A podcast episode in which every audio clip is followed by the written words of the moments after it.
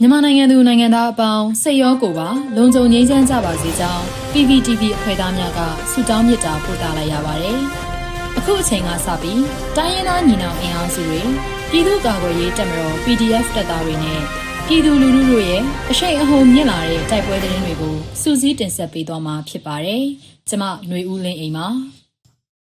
ပထမဆုံးအနေနဲ့ဒီပဲရင်နဲ့ချောင်းဦးမှာတိုက်ပွဲများဖြစ်ပေါ်ပြီးစစ်ကောင်စီတပ်ဖွဲ့ဝင်12ဦးသေဆုံးက PDF ဘူပေါင်းတပ်များကဒီပဲရင်မြို့ပေါ်စိုင်ပြင်ရဲစခန်းကိုလက်နက်ကြီးနဲ့ပစ်ခတ်တိုက်ခိုက်တဲ့တဲ့တင်ကိုတင်ဆက်ပေးပါမယ်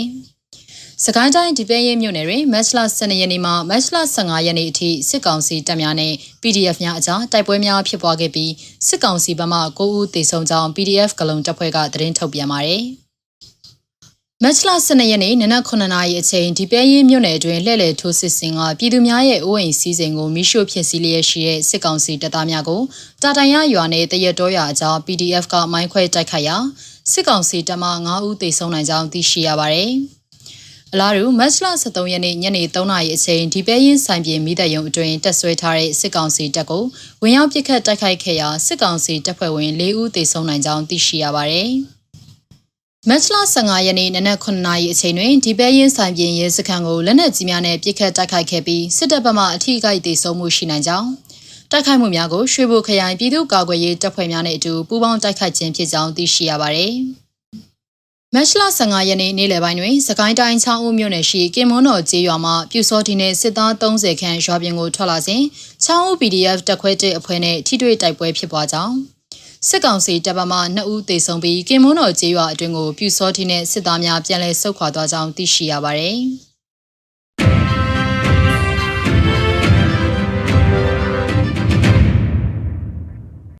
ဆက်လက်ပြီးကရင်ပြည်နယ်တွင်ရှစ်ရက်အတွင်းဖြစ်ပွားတဲ့တိုက်ပွဲများတွင်စစ်ကောင်စီဘက်မှ25ဦးထပ်မံတေဆုံးကကရင်တပ်ဖွဲ့မှ6ဦးကြာဆုံးတဲ့တဲ့ရင်ကိုတင်ဆက်ပေးပါမယ်။ အကြမ်းဖက်စစ်ကောင်စီတပ်ဟာကရင်ပြည်နယ်မှာထိုးစစ်ဆင်တိုက်ခိုက်ခြင်းများဆက်လက်ရှိနေပြီးမတ်လ9ရက်မှ16ရက်အတွင်းတိုက်ပွဲများတွင်စစ်ကောင်စီဘက်မှ25ဦးထပ်မံတေဆုံးကြောင်းကရင်ပူးပေါင်းတပ်ဖွဲ့ဘက်မှ6ဦးကြာဆုံးကြောင်းကရင်အမျိုးသားများကာကွယ်ရေးတပ် KNDF ကယနေ့သတင်းထုတ်ပြန်ပါတယ်အကြံဖတ်စစ်ကောင်စီတပ်ဟာမိုးပြဲဒီမော့ဆိုလန်ရှိပူဖာကျေးရွာကုန်းတာနဲ့ဒေါငန်ခါကျေးရွာများမှတဆင့်လွိုက်ကော်ဒီမော့ဆိုတောင်ငူလန်တိုင်းဆက်လက်ထိုးစစ်ဆင်နေကြောင်းသိရှိရပါတယ်။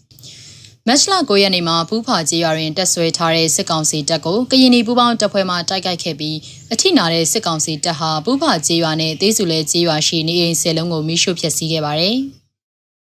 မတ်လ9ရက်17ရက်နဲ့14ရက်နေ့နနက်ပိုင်းတွေမှာရှမ်းကရင်နီအဆက်လွိုက်ကော်မြို့နယ်လင်းဖုံလေးကျေးရွာနဲ့ထီထရီကျေးရွာမှာတက်ဆွဲထားတဲ့စစ်ကောင်စီတပ်ကိုကရင်နီတပ်မတော် KA KNDF နဲ့ PDF ပူးပေါင်းတပ်ဖွဲ့မှတိုက်ခိုက်ခဲ့ပြီး တိုက်ပွဲများတွင်စစ်ကောင်စီဘက်မှ9ဦးသေဆုံးခဲ့တယ်လို့ KNDF ကဆိုပါတယ်။မတ်လ10ရက်နေ့နနက်တွင်မိုးပြဲဝါရီစုဖလိုင်းကျေးရွာမှာနှစ်ဖက်ထိတွေ့တိုက်ပွဲဖြစ်ပွားပြီးကရင်နီတပ်ဖွဲ့များရဲ့မိုင်းဆွဲတိုက်ခိုက်မှုကြောင့်စစ်ကောင်စီကားတစ်စီးပျက်စီးခဲ့ကြောင်းသိရှိရပါတယ်။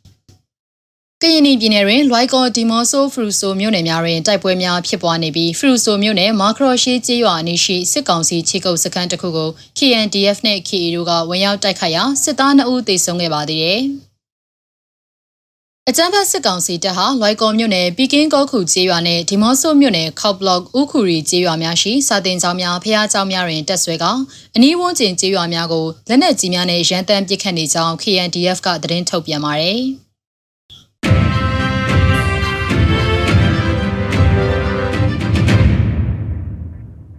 နောက်ဆုံးခမရ115တရင်ကို PDF များဝင်တိုက်တဲ့တဲ့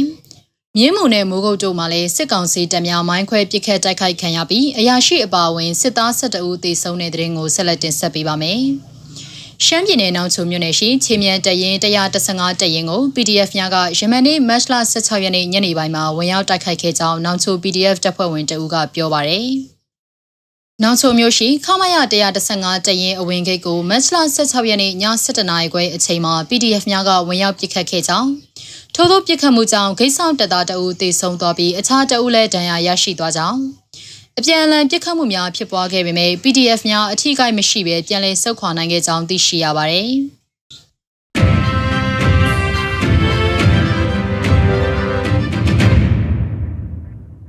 အလားတူယနေ့မတ်လ18ရက်နေ့နနက်9:00နာရီအချိန်စကိုင်းတိုင်းမြင်းမှုမြို့နယ်ဝမ်ပြေကျေးရွာနဲ့အလားကပကျေးရွာကြားကိုမိုင်းရှင်းလင်းရေးလာရောက်တဲ့စစ်ကောင်စီတပ်သား10ဦးကိုမြောင်မြို့နယ်တော်လန်ရေးတပ် MRA နဲ့ Night Commanders တော်လန်ရေးညီနောင်တပ်ဖွဲ့ကမိုင်းဆွဲတိုက်ခိုက်ရာစစ်သား9ဦးသေဆုံးသည်ကိုအတည်ပြုနိုင်ခဲ့ကြောင်းမြောင်မြို့နယ်တော်လန်ရေးတပ်ကသတင်းထုတ်ပြန်ပါတယ်။ ထို့ပြင်မတ်လ15ရက်နေ့မွန်းလွဲ12:59မိနစ်အချိန်မန္တလေးမှမိုးကုတ်သို့တက်လာတဲ့စစ်ကောင်စီကားနှစ်စီးကိုဗဒေတာရှိထွက်မိုင်းသုံးလုံးခွဲပြီးတိုက်ခိုက်ရာအရာရှိအပါအဝင်စစ်ကောင်စီတပ်ဖွဲ့ဝင်3ဦးသေဆုံးကြောင်းဗိုလ်လင်းယုံအဖွဲ့ကသတင်းထုတ်ပြန်ပါတယ်။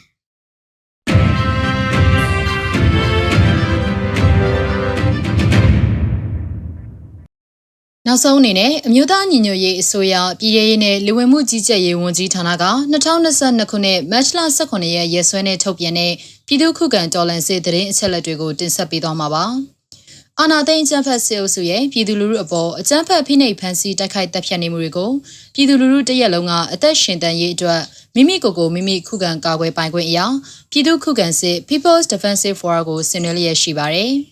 တရင်အချက်လက်များအရ16ရက်3လ2022ရက်နေ့မှာစစ်ကောင်စီတပ်ဖွဲ့ဝင်63ဦးသေဆုံးပြီးထိခိုက်ဒဏ်ရာရရှိသူ25ဦးအထိခုခံတိုက်ခိုက်နိုင်ခဲ့ပါတယ်။ဆီယနာရှင်စနစ်မြမမြေပေါ်မှာအပိတိုင်ချုပ်ငြိမ်းရေးနဲ့ Federal Democracy တည်ဆောက်ရေးအတွက်ငြိမ်းချမ်းစွာဆန္ဒပြတဲ့လူလူတပိတ်တိုက်ပွဲများကပြည်내နဲ့တိုင်းဒေသကြီးများမှာဖြစ်ပွားပေါ်ပေါက်လျက်ရှိပါတယ်။မြေပြင်မှာယခုတွေ့ရတဲ့သတင်းအချက်အလက်များထက်ပို၍ဖြစ်ပွားနိုင်ပါတယ်ရှင်။